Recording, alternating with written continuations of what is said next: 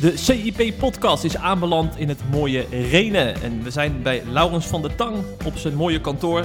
Met hem gaan we het laatste nieuws uit christelijk Nederland bespreken. En dan komen we natuurlijk bij de vaccinatiedwang die de SGP ervaart. En hoe kijkt Laurens van der Tang er tegenaan? We gaan het ook hebben over uh, de herziene statenvertaling. Want daarover is een uh, spraakmakend onderzoek en interview verschenen in het Reformatorisch Dagblad. En we sluiten af met The Great Reset. Dat er op de kaart staat na de eindtijdpreek van dominee Paul Visser. En waar Laurens van der Tang ook een uitgesproken mening over heeft. Laurens van der Tang, welkom in de CIP-podcast. Ha, Jeffrey. Uh, ik ken jou als een opiniemaker in de reformatorische, in de reformatorische gezinte, maar ook uh, als uh, een ouderling in de gereformeerde gemeente in Nederland. Hè? Klopt. En daarnaast heb je ook een, een bedrijf waar je druk mee bent. We zitten op een kantoor. Kun je eens voor de mensen vertellen die, die je niet kennen wat je eigenlijk doet in het dagelijks leven? Nou, mijn achtergrond is met name in de IT-wereld. Ja. En daar ben ik actief geweest als uh, ondernemer. Laatst in de zorg, healthcare. Um, maar het bedrijf is verkocht aan uh, Philips. Um, en daar heb ik nog een paar jaar gewerkt. En sinds begin vorig jaar ben ik daar weg. Dus op dit moment besteed ik mijn tijd aan een, uh, een, een veelheid van verschillende activiteiten. Ja, ja. Uh, wat ik trouwens helemaal vergeten te zeggen, je bent natuurlijk nog voorzitter van het Bijbelsberaad MV, hè? Ja, dat klopt helemaal. Ja. Uh, de opvolger van de Nashville Werkgroep, zeg, zeg ik dat zo goed? Nee, niet oh, helemaal. Oké, okay. hoe zit het dan precies? het, is, het is wel zo dat er uh, mensen die meegewerkt hebben aan die Nashville-verklaring, de vertaling ja. daarvan, ja. die, een aantal daarvan doen ook mee in Bijbelsberaad Man-Vrouw. Maar Bijbelsberaad man-vrouw is ook breder dan dat. En er zijn ja, heel veel meer mensen bij betrokken geraakt uit de breedte ja. van kerkelijk Nederland. Ja, en er worden uh, op, de website onder andere ook artikelen geplaatst met zorgwekkende ontwikkelingen op het gebied van uh, LHBTI-kwesties. Uh, dat orthodoxe christenen onder vuur liggen wereldwijd. Ja, zeker. Maar we proberen ook het positieve ja. bijbelse denken over huwelijk en ja. seksualiteit en gezins gezin uh, naar voren te brengen. Ja. Dus, dus het, ja, natuurlijk, er zijn heel veel zorgwekkende hm. ontwikkelingen, maar uh, er is ook heel veel wat mooi is en wat kostbaar is. Ja. En wat goed is aan hoe Gods woord ons voorhoudt dat je leeft uh, en hoe dat mag in een huwelijk. En dat proberen we natuurlijk ook naar voren te brengen, want hm. er is veel wat de moeite waard is. Ja, een soort gereedschapskist voor de reformatorische gezinten in die zin, op het gebied van huwelijk en uh, ethiek. Ja, met name ook gericht dan op kerken. Ja. Uh, en hoe we gemeenten daarin kunnen ondersteunen oh ja. en voorgangers. Interessant. Ik zou zeggen, meld je aan voor de nieuwsbrief van Bijbelsberaad Man-Vrouw. Dat mag, hè? Ja, Op de zeker. website. Ja, ja, voor mensen die het willen volgen. Ja. Oké, okay, uh, we gaan straks gaan we het nieuws bespreken. en dat doen we niet voordat we zijn begonnen met onze vaste rubriek, de ergernis van de week.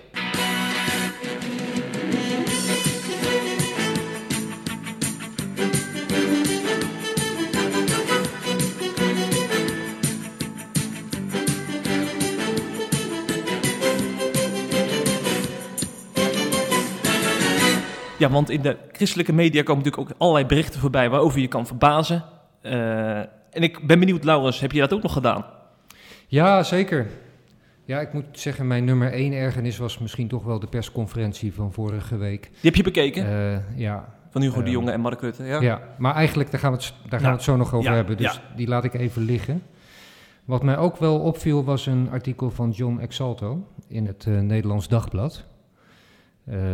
en Daarin schreef hij, kort door de bocht samengevat, dat uh, de reformatorische gezinte is momenteel bijzonder vatbaar voor complottheorieën, anti-overheidssentimenten, burgerlijke ongehoorzaamheid en antivaxgedrag. Zo. Um, We hebben het hier over een man die volgens mij, uh, is die hoogleraar aan de, van de ja, VU? Ja, ik meen ja. dat hij historicus, historicus uh, is.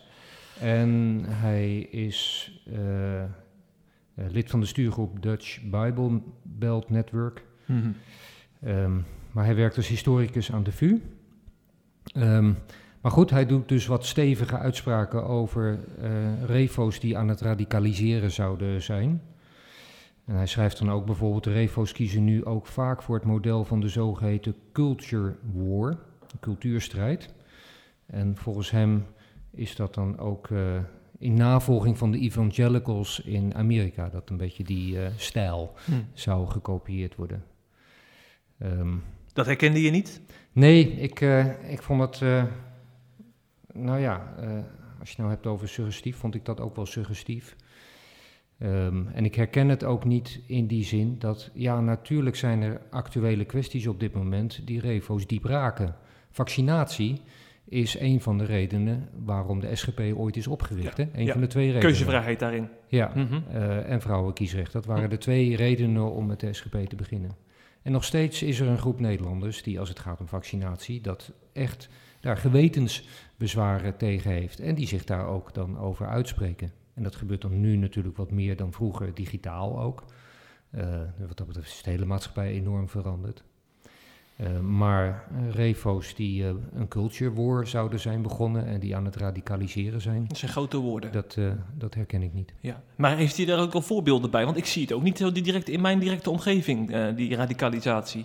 Ja, hij schrijft bijvoorbeeld: als vaccinatie een urgente kwestie is, weigeren refo's. Als er een debat over schepping en evolutie gevoerd wordt, scherpen refo's hun visie aan door een zesdaagse 24 uur schepping te postuleren. Als de samenleving een inhaalslag maakt met acceptatie van LHBTI, brengen refo's de Nashville-verklaring uit. Dus hij meent daarin een patroon te ontwaren.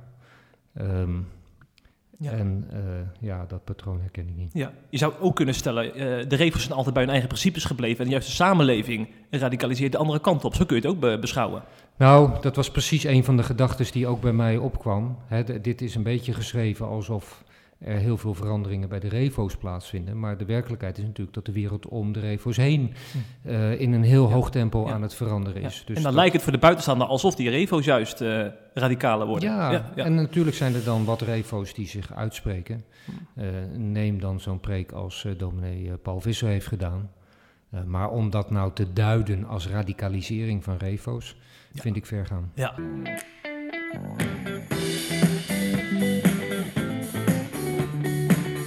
Het laatste nieuws uit christelijk Nederland bespreken we in de CIP-podcast.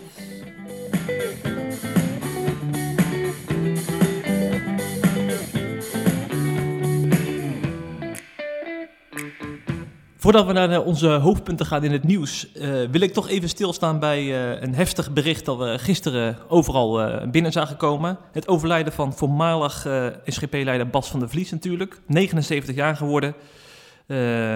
Eh, is ernstig eh, ziek geworden, heeft kanker gehad. En eh, uiteindelijk is hem dat fa- fataal geworden, afgelopen zondagavond. En ik was benieuwd, Laurens, hoe jij Van der Vlies herinnert. Want het is natuurlijk wel echt een markant man met heel veel invloed geweest hè, als SGP-leider. Ja, zeker. Ik, het is niet zo dat ik hem persoonlijk heel goed kende, maar ik heb wel jarenlang met hem in een bestuur gezeten. Ehm, en ik moet zeggen, mij overviel echt even een wat verdrietig gevoel Ja. toen ik Het is echt wel overvallen erdoor, hè? Ja. hoorde. Ja, zeker. Eh, en ik herinner mij hem als iemand die ja, heel bescheiden was. Dus ook in een vergadering zou die niet altijd heel... Hij zei niet veel per se. Ehm, dus hij, hij trad niet zomaar op de voorgrond. Maar als hij dan wat zei, dan had dat ook altijd wel gewicht. Eh, en hij had de gave om principieel te zijn, maar dat dan toch zo naar voren te brengen dat je ja, dat dat wel breed respect afdwong. Ehm, ook een hele beminnelijke man, best gevoel voor humor ook. Ja, daar hoor ik ook vaak Eh, terugkomen. Ja. Ja.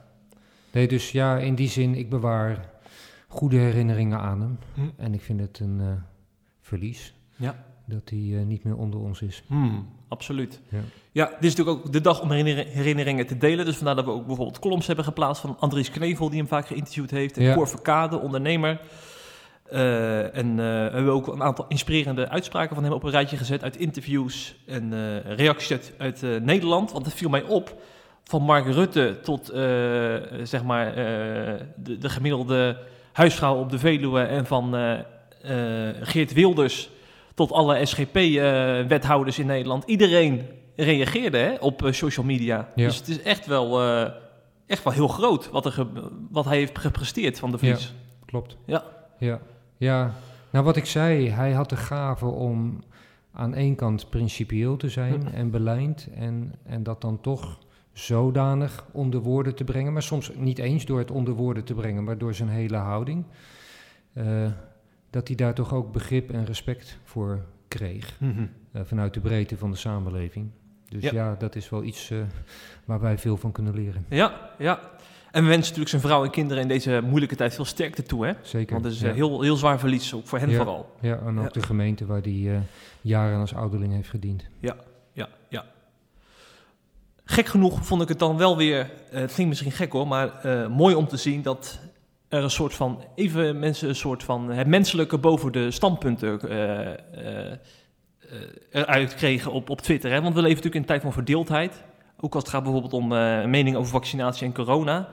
Eh, maar, maar na zo'n gebeurtenis, dan maakt het even niet uit van welke partij je bent of van welke kerkelijke gezinte je bent. Iedereen eh, heeft dan gewoon warme woorden over voor, voor Van der Vlies. Ja, dus wat dat betreft is het moeilijk om een bruggetje te maken naar het hoofdnieuws van onze podcast. Dat is natuurlijk namelijk hoe de SGP en de ChristenUnie eh, zich verhouden tot eh, wat er nu gaande is rondom de coronamaatregelen en vaccinatiedwang. Dat vooral de SGP sterk ervaart.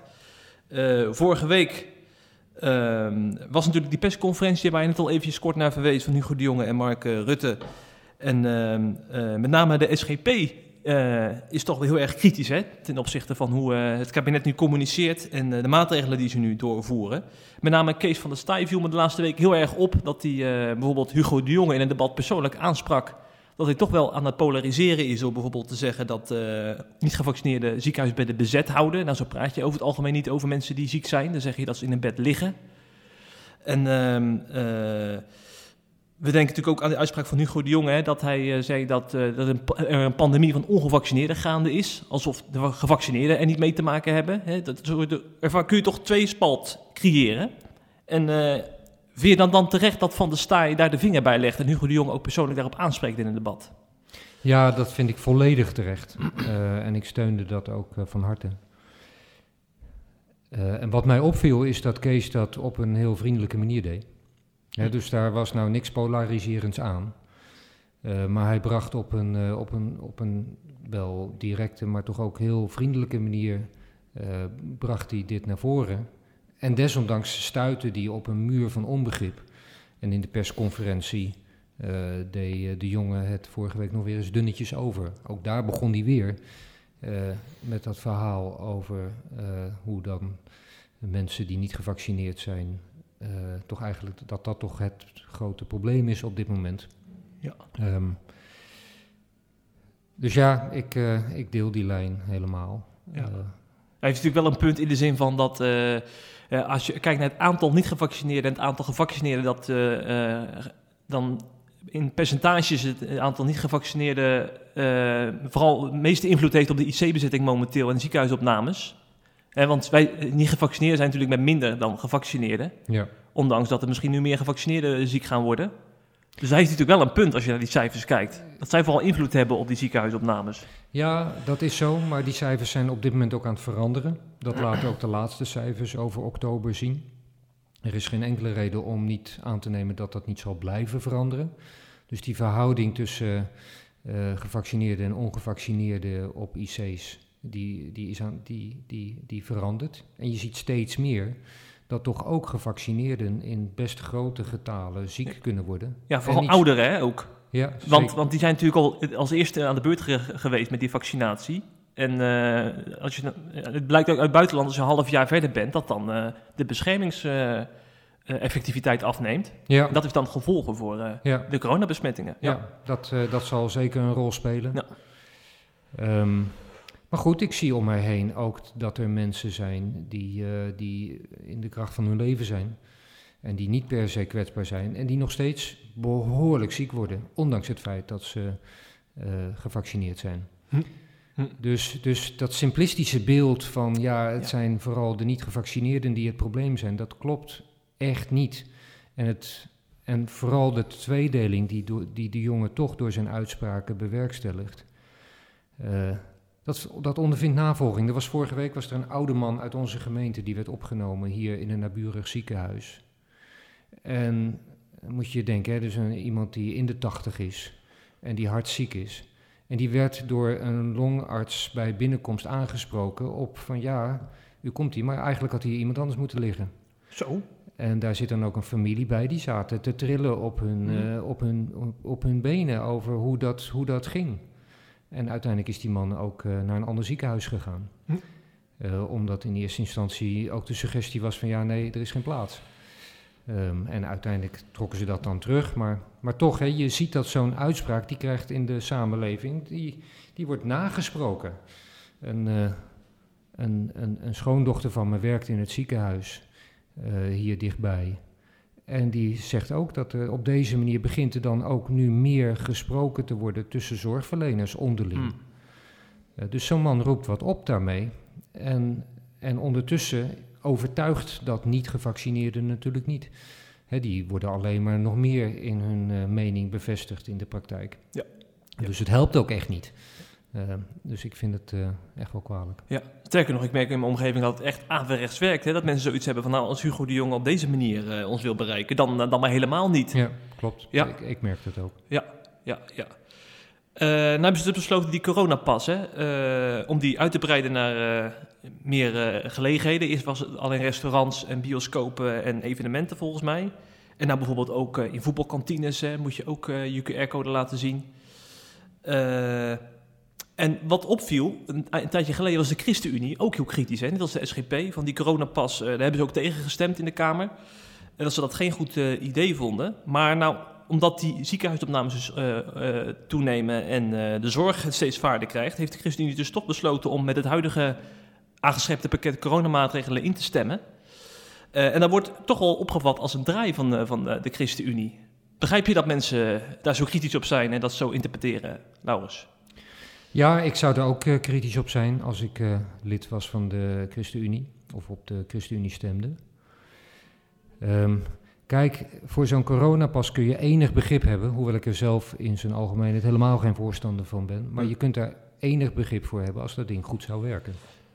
En dat doet hij niet. En dat weet ook iedereen. Hoe bedoel het je daarmee? feit, Nou, het feit dat, dat gevaccineerden toch besmet kunnen zijn. En dat gebeurt ook veel. En daardoor eh, eigenlijk het een soort van schijnveiligheid introduceert.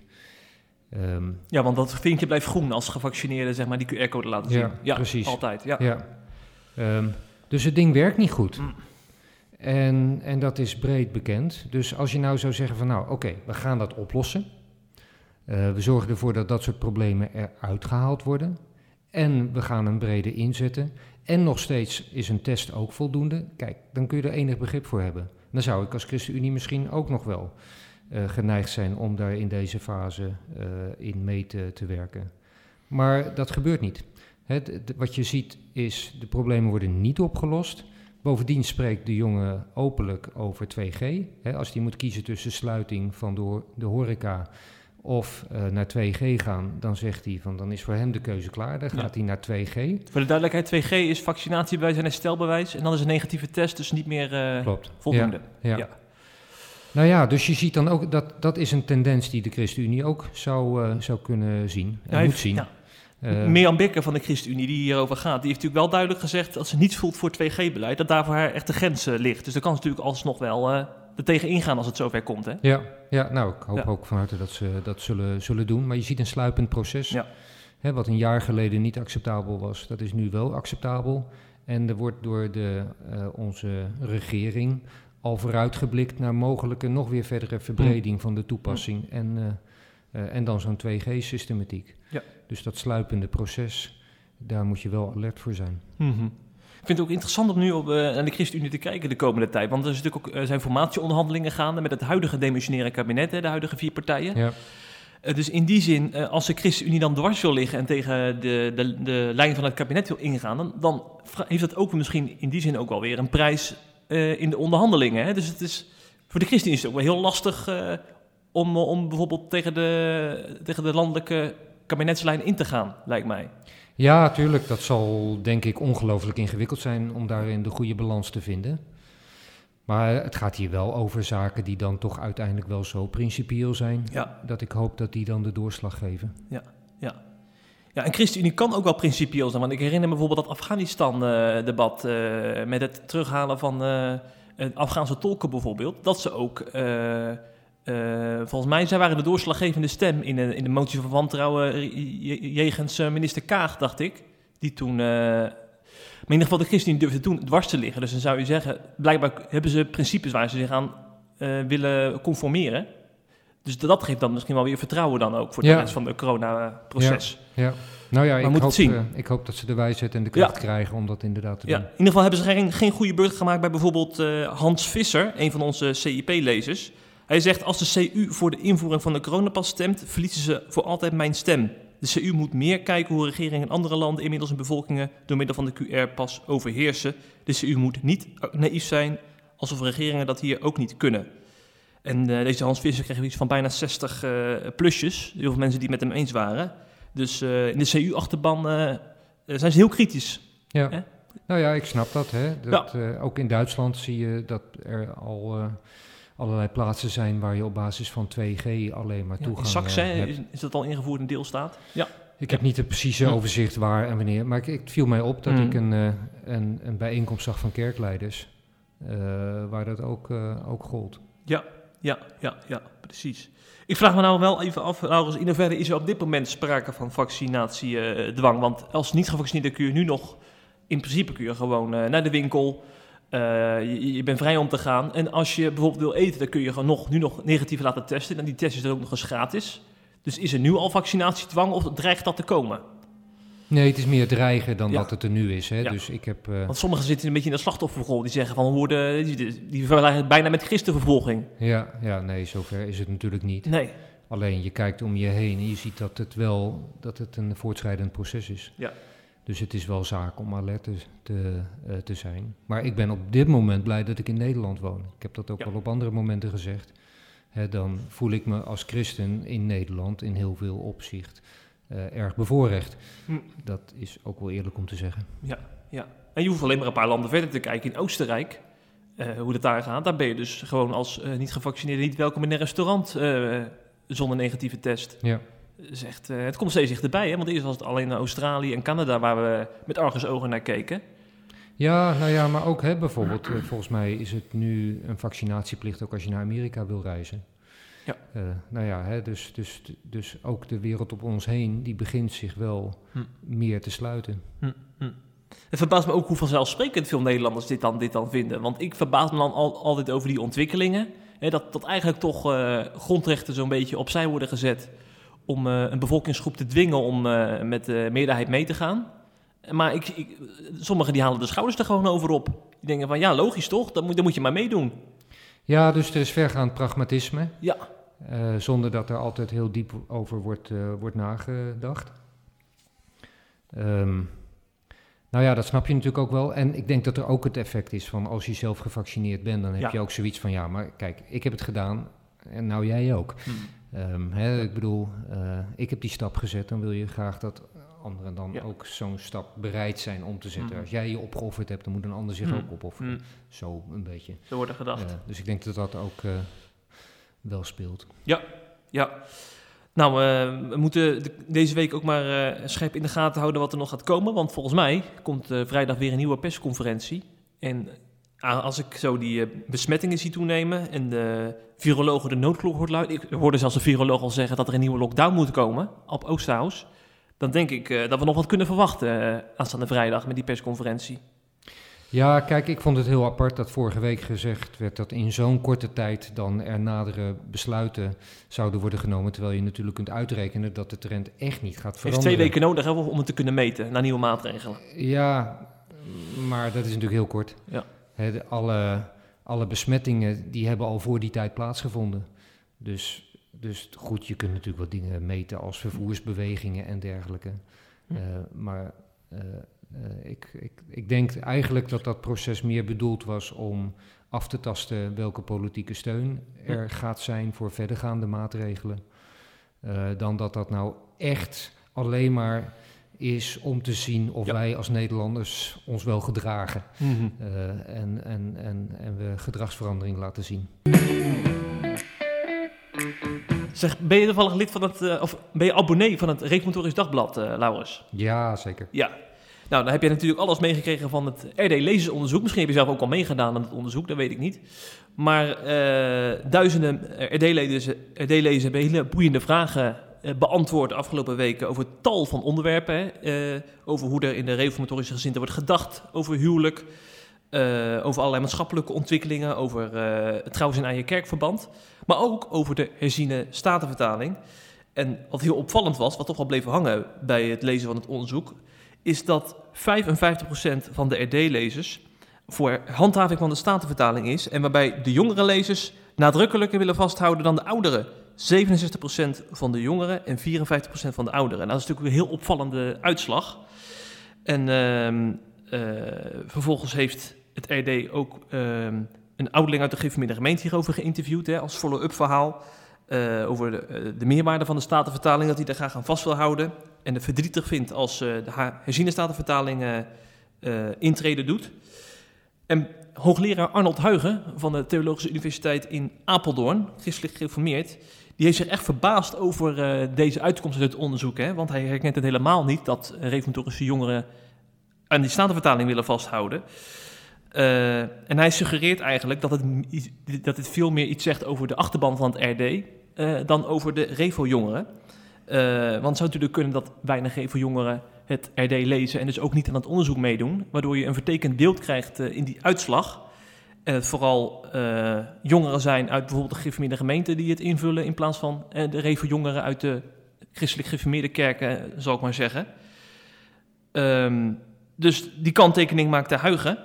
En hij suggereerde ook dat door middel van dat follow-up interview met die ouderling... dat uh, het RD niet journalistiek, maar sociologisch te werk gaat. Er moet een bepaalde achterban worden bediend, zegt hij.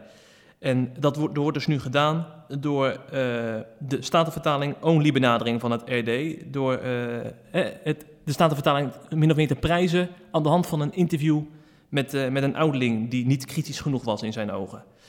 Um, allereerst, was je ook verbaasd over die uitslag dat heel veel, dat meer jongeren in de gezinten vasthouden aan de staande vertaling dan ouderen? Ja, dat was inderdaad wel opvallend. Tegelijkertijd, Steve de Bruin heeft dat zaterdag al heel netjes uh, uitgelegd hè, over ja. hoe, dat, hoe dat komt. Wat nou, even de samenvatting eens, wat heeft hij precies nou, verteld? Hij, hij gaf aan dat dit vooral te verklaren is doordat bij de jongere lezers geldt dat die meer lid zijn van de behoudende kerkverbanden. Ja. Um, en dus in die zin geeft het een wat vertekend beeld. Zij heeft Huigen misschien wel een punt dan? Ja, zei het dat uh, waar hij geen punt had, en dat legt uh, Steve ook uit, is dat de kerkelijke achterban van de lezers uh, van het RD, die heeft nog steeds dezelfde spreiding als dat hij altijd al had. Hè, zolang als dit soort onderzoeken worden gedaan. Dus er zijn nog steeds evenveel mensen van de uh, Bond en de Christelijke Geformeerde en de Gergem. In, de verhoudingen zijn nog steeds hetzelfde.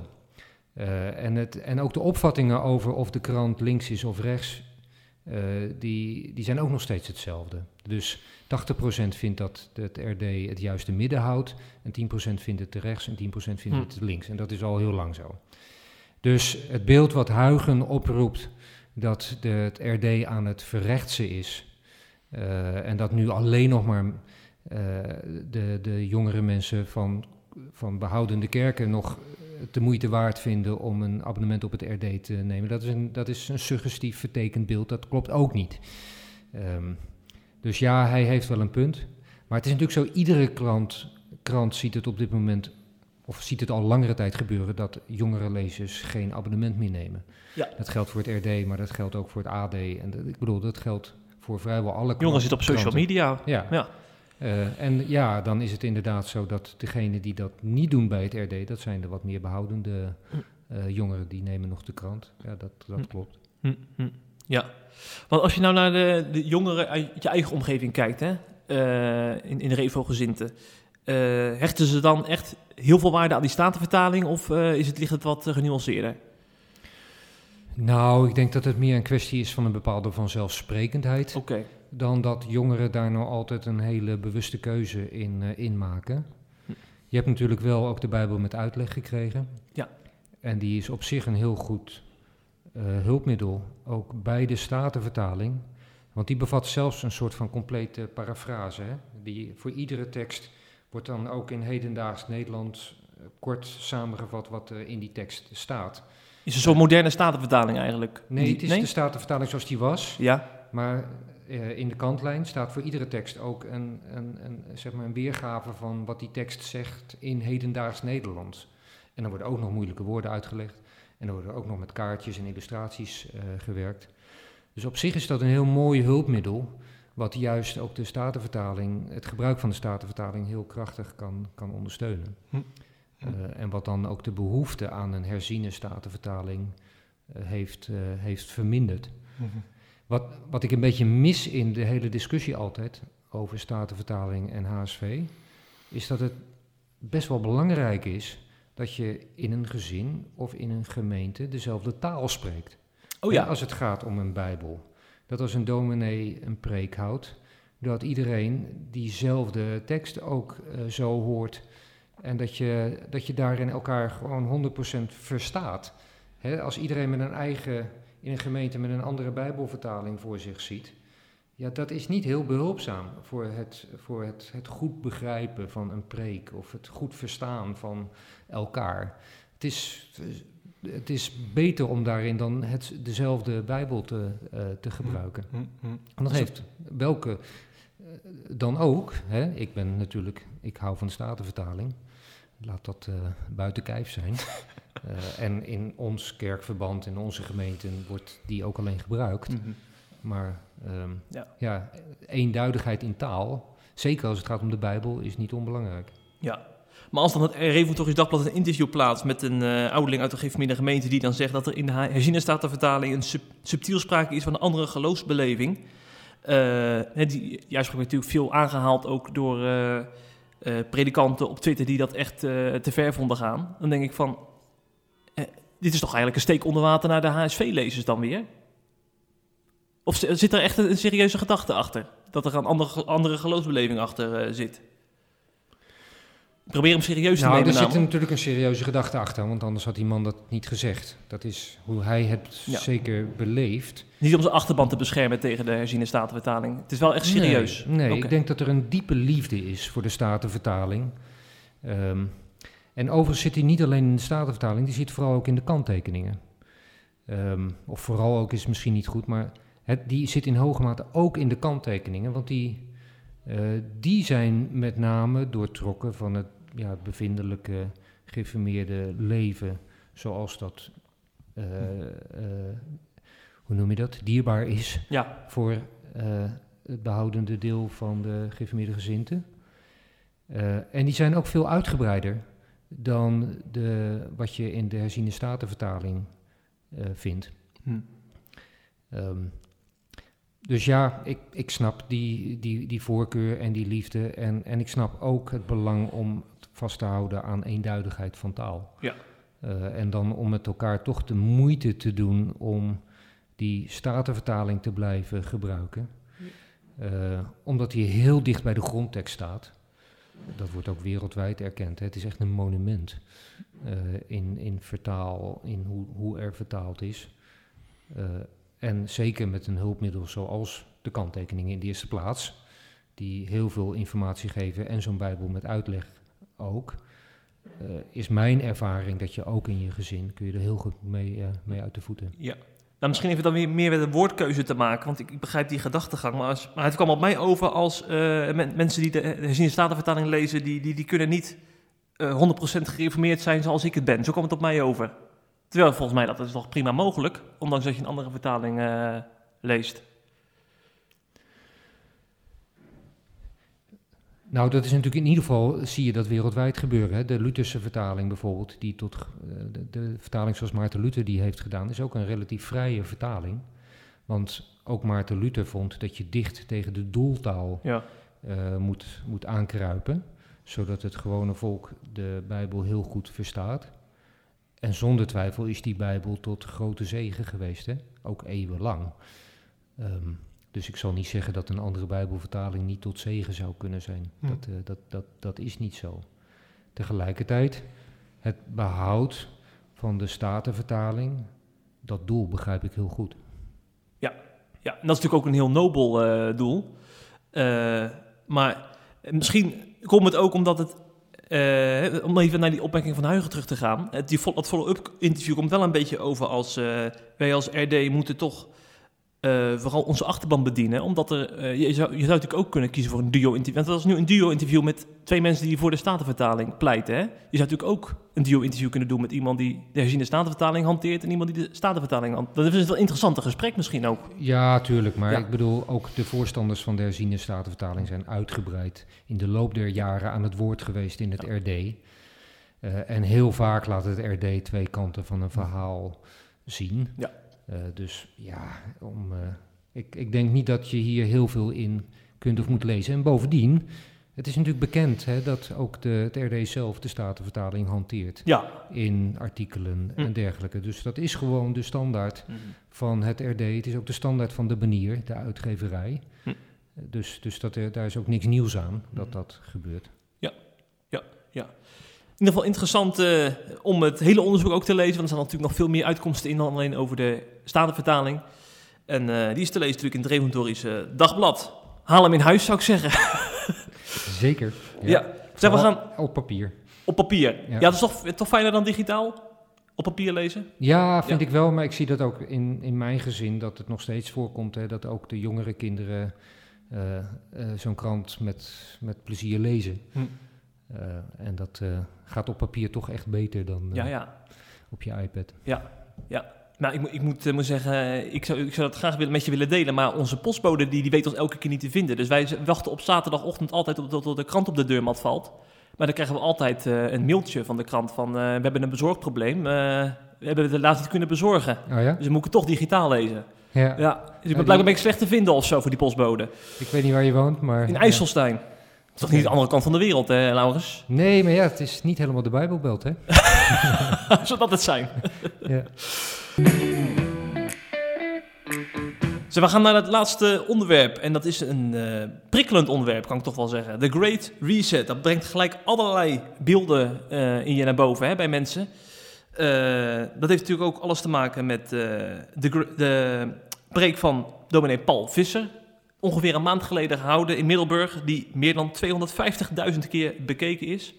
Eigenlijk is hij nog meer bekeken, want ik zag dat hij ook via andere YouTube-kanalen was gedeeld. En als je dan al die views bij elkaar optelt, dan zit je al boven de half miljoen eh, views Ja. bij die preek. Dat is echt ongelooflijk veel. En eh, daar hebben we het in een andere podcast al uitgebreid over gehad met eh, theoloog Wim Dekker. Over openbaring 13 en de Great Reset, hoe hij dat duidde. Maar waarom wij het er ook over gaan hebben, Laurens, is... ja, jij hebt natuurlijk al in een eerder stadium dat boek gelezen, hè, The Great Reset van Klaus Schwab. En ook in het RD erover gepubliceerd. En ik vroeg me eigenlijk af, eh, waarom deed je dat eigenlijk? Waarom voelde je de behoefte om, eh, om daarover te schrijven? Nou, dat was eigenlijk toch hoofdzakelijk dat ik merkte dat, eh, dat er in de mainstream media, inclusief de christelijke media, niet over geschreven werd. Hm. En ik had inderdaad dat boek gelezen en er ook een beetje omheen gelezen. En ja, ook die, eh, de wereld van Davos, eh, die ken ik in die zin een beetje dat ik heb gemerkt hoe ook een bedrijf als Philips eh, dat soort events serieus neemt. hè, Zo'n eh, Van zo'n World World, Econ- Economic Forum. Eh, dus dat geeft ook een bepaalde natuurlijke interesse Mm. in van hoe zit dat nou. Dus Ja. ja. zo heb ik daar een keer een stukje over geschreven. En eerlijk gezegd, ik dacht echt dat dat niet meer was dan een stukje. Mhm. Ehm, en had ook niet helemaal eh, verwacht dat dat, dat dat zoveel zou losmaken zoals dat toen ook gebeurde. Ja, dat mondde uiteindelijk uit in een eh, debatavond bij de SGP Jongeren. Heb je die ook gehouden over de... Ja, en? Thierry Baudet, die, eh, die haalde het aan van Oh, eh, ja. zo van, kijk nou, zelfs in de mainstream media wordt het al gezegd, Ja. de Great Reset is in volle gang. Maar daar had Paul Visser ook mee te maken. Maar dat lijkt me toch niet fijn als, als zo'n politicus, die toch ook wel met complottheorieën eh, flirt, dat die het dan daarmee aan de haal gaat? Of vind je dat niet erg? Ik vind het niet heel Nee. erg, nee. Ehm, maar het, het, het trekt het wel in een bepaalde sfeer, Ja. zoals ik er niet over had geschreven. Ja, ja. Hè, ik, eh, volgens mij had ik een redelijk nuchter artikel eh, Ja. toen ik erover schreef. En eh, Great Reset in volle gang was toen de titel die ik had. Maar dat is gewoon de teneur van het boek van Swaap. Ja. Die zegt dat. Ehm, en hij beschrijft dat ook op zich vrij overtuigend, hoe er een aantal ontwikkelingen gaande zijn, grote ontwikkelingen over de wereld, die op dit moment uh, min of meer samenvallen. En die ook in een versnelling terechtkomen door corona. Wat is een van die opvallend, opvallendste ontwikkelingen, om het even concreet te maken? Nou, bijvoorbeeld toch weer de, de, de, de uh, swing naar meer staat. Hè, dat, uh, dat, dat overheden een, een, grotere rol nemen over de hele wereld. Uh, en, en dat dat leidt tot, tot minder vrijheid. In, het monetaire, in de monetaire wereld gebeurt, gebeurt heel veel. Hè, centrale banken over de hele wereld staan, plat gezegd, geld te drukken op een manier zoals dat niet eerder is voorgekomen, denk ik, in de geschiedenis van het monetaire stelsel. Zeker niet als een wereldwijd fenomeen. Technologieontwikkelingen die razendsnel gaan en die ook nog weer een extra uh, duw hebben gekregen door corona, omdat we allemaal digitaal gingen vergaderen of thuis gingen werken. Of, uh, en dus een bedrijf als Zoom, wat dan opeens een groot bedrijf is, is geworden, terwijl we daar voor corona nog nooit van gehoord hadden. Uh, dus dus het, een, een, een, een reeks van grote ontwikkelingen die samenvallen en waar corona een soort van katalysator is. Ja, ja. Uh, uh, dat is waar het over gaat. En dat noemt Schwab dus de Great Reset. Ik denk dat een, het punt een beetje is met dat woord, is dat dat woord geeft een hele associatie. Hè? Mm-hmm. Dat woord geeft de associatie van, oké, okay, er is een groot systeem en nou drukt iemand op een knop en dan gaat dat hele systeem gaat zich ja. uh, herstarten. Ik denk gelijk, heeft die Schwab dan alle wereldleiders aan een touwtje, ja. als ik die term hoor. Ja, en dat is, dat is, dat is deels het probleem. Hm. Uh, dus, dus mensen hebben daar automatisch een heel complot-idee gedachte bij. Terwijl dat niet in alle, uh, dat is niet zomaar terecht. Ja. Uh, dus uh, dus ik, ik denk dat hij misschien ook nu wel spijt heeft van het feit dat hij dat woord daarvoor heeft gebruikt. Ja, nou, dat kan ik me goed voorstellen, ja. Zeg, ik, ik, je hebt onlangs in Dambouw heb je er ook een lezing over gehouden in de, in de Christelijk Gereformeerde Kerk. Daar gaan we, wil ik nog even een paar opmerkingen over maken. Uh, maar ik zou ook wel tegen de luisteraars willen zeggen... Uh, luister de Dick en Daniel podcast terug van afgelopen vrijdag bij het ND. Want dan heb je echt een uur lang heb je het over de Great Reset gehad. Hè? Ja. Wij nemen er wel minder ruimte voor om die reden, want uh, de, omdat er dan al zoveel over is gezegd. Maar wat ik wel interessant vind om even te bespreken, uh, Laurens, is um, ja, hoe, dat, hoe die podcast tot, tot stand kwam. Hè? Want ND-verslaggever Daniel Gillissen schreef op Twitter een uitgebreid draadje naar aanleiding van jouw lezing in Damwoude. Er werden een aantal fragmenten werden er uitgelicht. En zijn slotzin luidde: Zijn verhaal, dus jouw verhaal, is vragend, beperkt onderbouwd, erg suggestief en draagt er dus enorm bij aan complotdenken in dit deel van christelijk Nederland. En toen dacht ik, hoe zou Laurens deze opmerking hebben bekeken? Ik kan me voorstellen dat je dan toch een beetje voor het blok gezet voelt. Ja, ik vond het op zijn minst uh, ook suggestief, zoals hij uh, het karakteriseerde. Um, kijk, wat ik juist probeerde te doen in die lezing, en iemand die de hele lezing luistert, die, die zal dat ook wel kunnen vaststellen. ik probeerde juist heel goed aan te geven van wat zijn feiten en wat zijn dingen die je zou kunnen omschrijven als speculatief. Ontwikkelingen die mogelijkerwijs zullen gebeuren als je lijnen doortrekt vanuit het uh, heden. Um, en wat kan dat betekenen? Bijvoorbeeld het feit dat centrale banken denken op dit moment actief na over introductie van digitale munten. Um, nou, je weet gewoon dat als zoiets gebeurt, dan introduceert dat ook allerlei uh, nieuwe mogelijkheden. Want dan kun je nauwkeurig uh, van iedere transactie checken wat er, wat er mee gebeurt. Je kunt daar zelfs ook uh, sturend in, in zijn. en dat gebeurt dan rechtstreeks door centrale banken naar burgers. Dus, dus een, een, een, in zo'n situatie krijg je zomaar een meer centraal geleide economie. Nou, ik heb in mijn verhaal geprobeerd aan te geven van hoe kun je optimistisch naar dat Great Reset denken aankijken. Ja, je begon met een optimistisch scenario. Ja, hè, dat is denk ik hoe uh, wereldleiders daar en politieke leiders en uh, daar, daar nu vaak tegenaan kijken, tegen dat, dat, dat begrip en de invulling ervan. Wat is het meer, de, de meer kritische manier om daar naar te luisteren? En daarin heb ik dan ook aangegeven van, ja, wat is feitelijk en wat is, wat is speculatief in de zin van ja, dat is nog niet nu aan de hand, maar dat zou kunnen gebeuren. Nou ja, dat, noemt, dat noemde hij dan suggestief. Uh, terwijl mijn intentie was om juist uh, uh, wel te wijzen op de gevaren die daaraan kunnen zitten. Hè, ja. Zoals we daar net het ook, ook hadden over van wat er kan gebeuren met zo'n coronapas. Um, ja, maar wat ik me dan wel afvraag, Laurens, ik, op een gegeven moment ben je dan met dat negatieve, negatieve scenario bezig om die te schetsen. En dan zeg je, ik weet niet of dat zo is. Hè, over dat, dat mensen dan zeggen van dat corona de wereld in is geholpen om, om, die, om die plannen van de Great Reset er doorheen te krijgen. Dan zeg je, ik weet niet of het zo is. Maar ik weet wel dat de duivel springlevend is en Satan weinig tijd heeft. En dit complot wil je dan ook laten rusten. Het is niet uitgesloten, maar we kunnen het ook niet voorkomen door gronden. Daarmee neem ik niet echt afstand van mensen die zeggen dat corona een soort de wereld in is geholpen om, om, om nieuwe plannen, wereldplannen te smeden.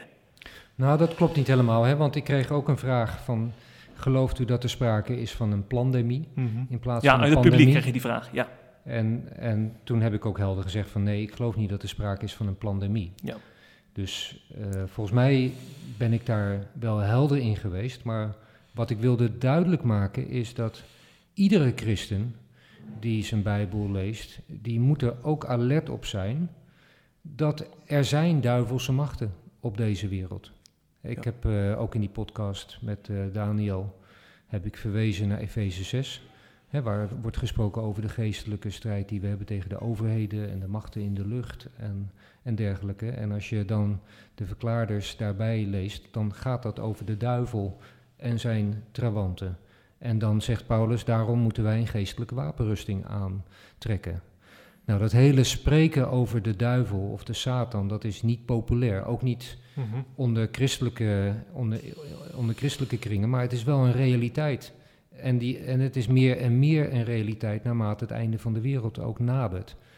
Dus uh, daar acht op slaan uh, is iets wat naar mijn mening wij altijd moeten doen.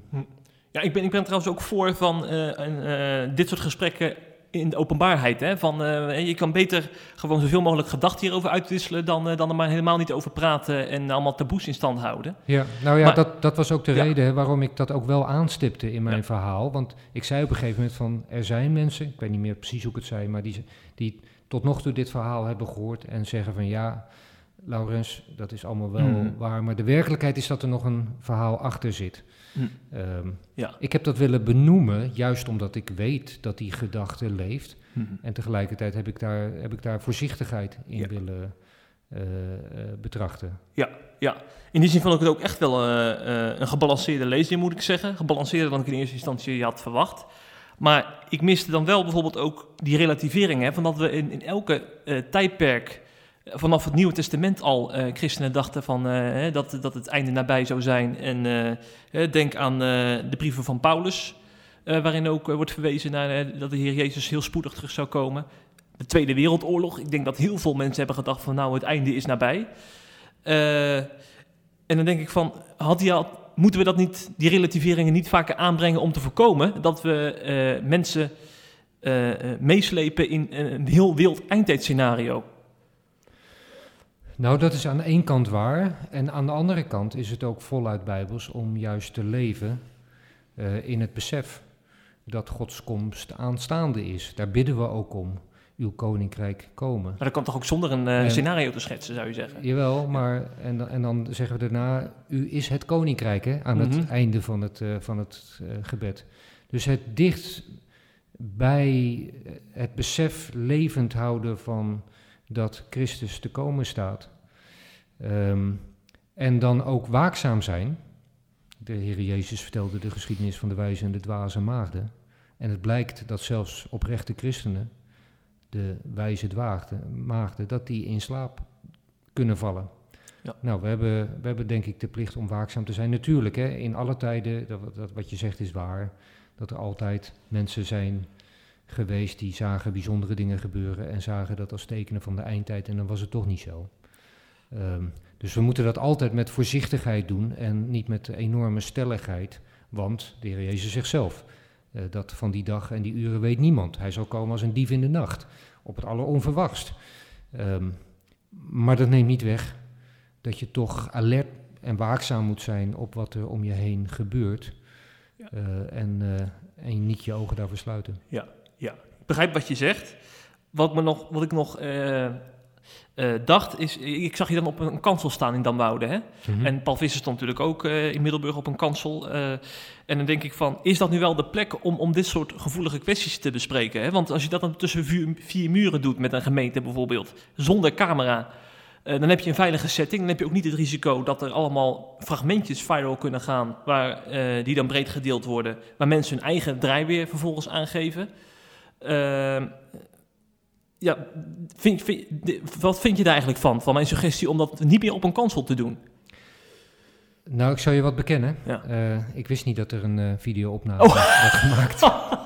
Meen je niet? Dus totdat eh Daniel Gielissen met zijn draadje kwam, Ja. wist ik niet dat het Oh, online stond. Oké, oké. Ehm, het was geen kerkdienst, hè? Nee, nee, nee. nee. Het was, door de eh, weekse het lezing. Was, het was een lezing en omdat die kerk behoorlijk vol zat. Op aanvraag van die kerk zelf. Hè? Je bent niet zelf daar naartoe gereisd. Nee, nee. Ja. En, en omdat eh, de kerk aardig vol zat, eh, zei ook eh, de betreffende eh, kerkenraad van... joh, doe het maar vanaf de preekstoel. Eh, en, Oh, en, en zo is dat Ja. eh, gelopen. Ja, ja, ja, ja, ja. Nee, precies.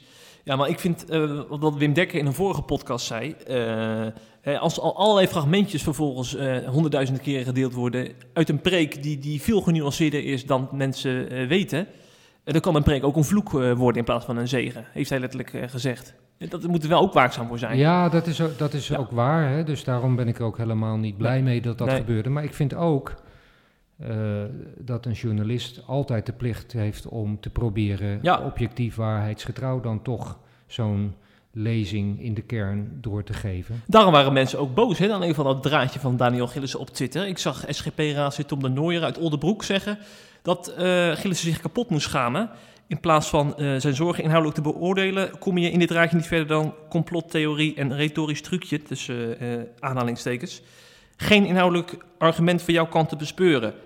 En hij vindt ook dat hij daarmee broeders en zusters schaamteloos heeft weggezet. Later nuanceerde de Nooijer nog zijn commentaar, want hij... eh, eh, vond het niet helpend en constructief dat hij zo met gestrekbeen erin ging. Maar de, de Nooijer liet natuurlijk handelde vanuit emotie. En eh, ik, dacht, ik zag ook dat veel mensen dat herkenden. Van, dat, er, dat er een soort frame wat werd gezet van jou.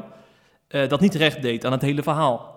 Ja, nee, Ja. dus ik, waarde de, ik waardeerde de intentie van Tom daarin Ja. bijzonder. Ehm, en eh, tegelijkertijd, ja, mijn keuze was, en dat heb je dus gezien, Ja. omdat eh, mensen vooral te wijzen op het hele verhaal, zonder verder iets negatiefs te willen zeggen over het draadje van Daniel. En ik ben later in gesprek gegaan. Ja. Nou, dan moet je natuurlijk ook zeggen, eh, we kunnen zeggen dat die draadje dan misschien heel erg suggestief was. Maar we kunnen ook zeggen dat Daniel in ieder geval de moeite heeft genomen om een uur lang met een collega eh, hierover door te praten. En ook echt een open gesprek hierover te voeren. Ja, Zo. iedereen die dat gesprek terugluistert in de en Daniel podcast kan niet anders concluderen dan dat dit een voorbeeld is van hoe een gesprek gevoerd zou moeten worden. Ja. Dus, eh, Ja, nee, dat, dat is ook echt zo. Dus Ja. daar ben ik ook dankbaar voor. Eh, en, en ik denk ook dat het heeft geleid tot meer wederzijds begrip. ja, daar gaat het uiteindelijk om, lijkt mij. Hè, vooral in deze tijden van polarisatie moeten we niet die kampen alleen maar in stand houden, maar juist eh, die verbinding zoeken. Ja, Want dan, dan leer je ook tenminste van elkaar. zo is het. Hè? Je hebt Ja. niet voor niks dat boek gelezen van eh, Klaus Schwab. Ik denk dat heel veel mensen dat niet hebben gelezen. Nou, en dan lijkt, je, lijkt mij dat toch wel zinvol om eens eh, uit eerste hand te horen wat erin staat en hoe dat geduid kan worden. Ja. Dus we- laten we hopen dat er meer gesprekken worden gevoerd over de Great Reset en dat we dat niet in een doofpot gaan stoppen. Want ik denk mensen zijn ook wel een beetje bang nu misschien geworden de- om hierover te praten. Want eh, die preek van Paul Visser had natuurlijk ook wel een schaduwzijde. Hè? Van, eh, dat hij ook werd geframed van, eh, als een complotdenker die in het complotdenken meegaat. Terwijl ja, dit ook gewoon als een heel interessant verjaardagsgesprek zou kunnen opvatten. De Great Reset. Hoe kijk jij er tegenaan? Wat, wat, zijn, wat zijn mooie dingen? Wat zijn, wat zijn dingen waar je zorgen over maakt? Hè, daar hoeven we toch niet te veel spooky spooky over te doen. Over zo'n gesprek. Nee, dus ik, ik vond die preek van Paul Visser vond ik een heel goede wake-up call, om het zo Ja. te zeggen. Eh, en ik denk dat het gesprek over die dingen juist heel nodig is. Natuurlijk, we moeten niet overmatig bezorgd zijn, hè? Ja. Eh, Maar het is ook niet zo dat je iedere week hierover een lezing houdt, hè? nee, Nee. nee, Ik bedoel, dat, eh, dit was één lezing die Ja. ik erover heb gegeven. Ik, Ja. ik legde dat ook uit in de podcast. En Eh, er zijn belangrijkere dingen dan dat. Hm. Laat, dat eh, laat dat duidelijk zijn. Maar Ja. ik vind wel dat we in een tijd leven van hele fundamentele veranderingen. En ik vind het ook een tijd met tendensen die mij zorgen baren. En één daarvan is dat het toch een beetje we bewegen naar eh, staten die meer totalitaire trekjes krijgen. En waar er ook een ideologische component is, hè, met genderideologie die erg opgedrongen wordt. Nou ja, dat zijn ontwikkelingen eh, waarvan ik wel vind dat die zorgwekkend zijn. En waar we met elkaar over moeten, moeten nadenken. En daar ook niet over moeten zwijgen als, eh, als christenen. We hebben ook een taak om te getuigen en te spreken. En dat moeten we, dat moeten we ook doen. Ja, ja. Dus eh, we gaan het niet bij deze podcast houden, maar we gaan nog in de komende tijd nog veel meer interviews en columns plaatsen over die onderwerpen die jij aanstipt, want die zijn heel actueel. En eh, daarom moeten we het er juist over hebben op een openbaar eh, platform. Laurens, dankjewel voor je tijd in deze podcast, voor je bijdrage. Wie weet tot een, een volgende keer, dat sluit ik niet uit. Eh, voor herhaling vatbaar zou ik zeggen, hier in Renen, het is een mooie plek om een podcast te maken, want Ja. eh, je hebt een, je hebt een fijn, fijn kantoor. Ja, zeker. Ik denk dat je met veel plezier werkt. Ja, absoluut. Ja, zet Ja. hem op zou ik zeggen, de komende dagen. En tegen de luisteraars zou ik willen zeggen, de volgende week zijn we er weer. Eh, waarschijnlijk met onze redacteur Patrick Simons. Dus wees er dan weer bij. En tot de volgende keer.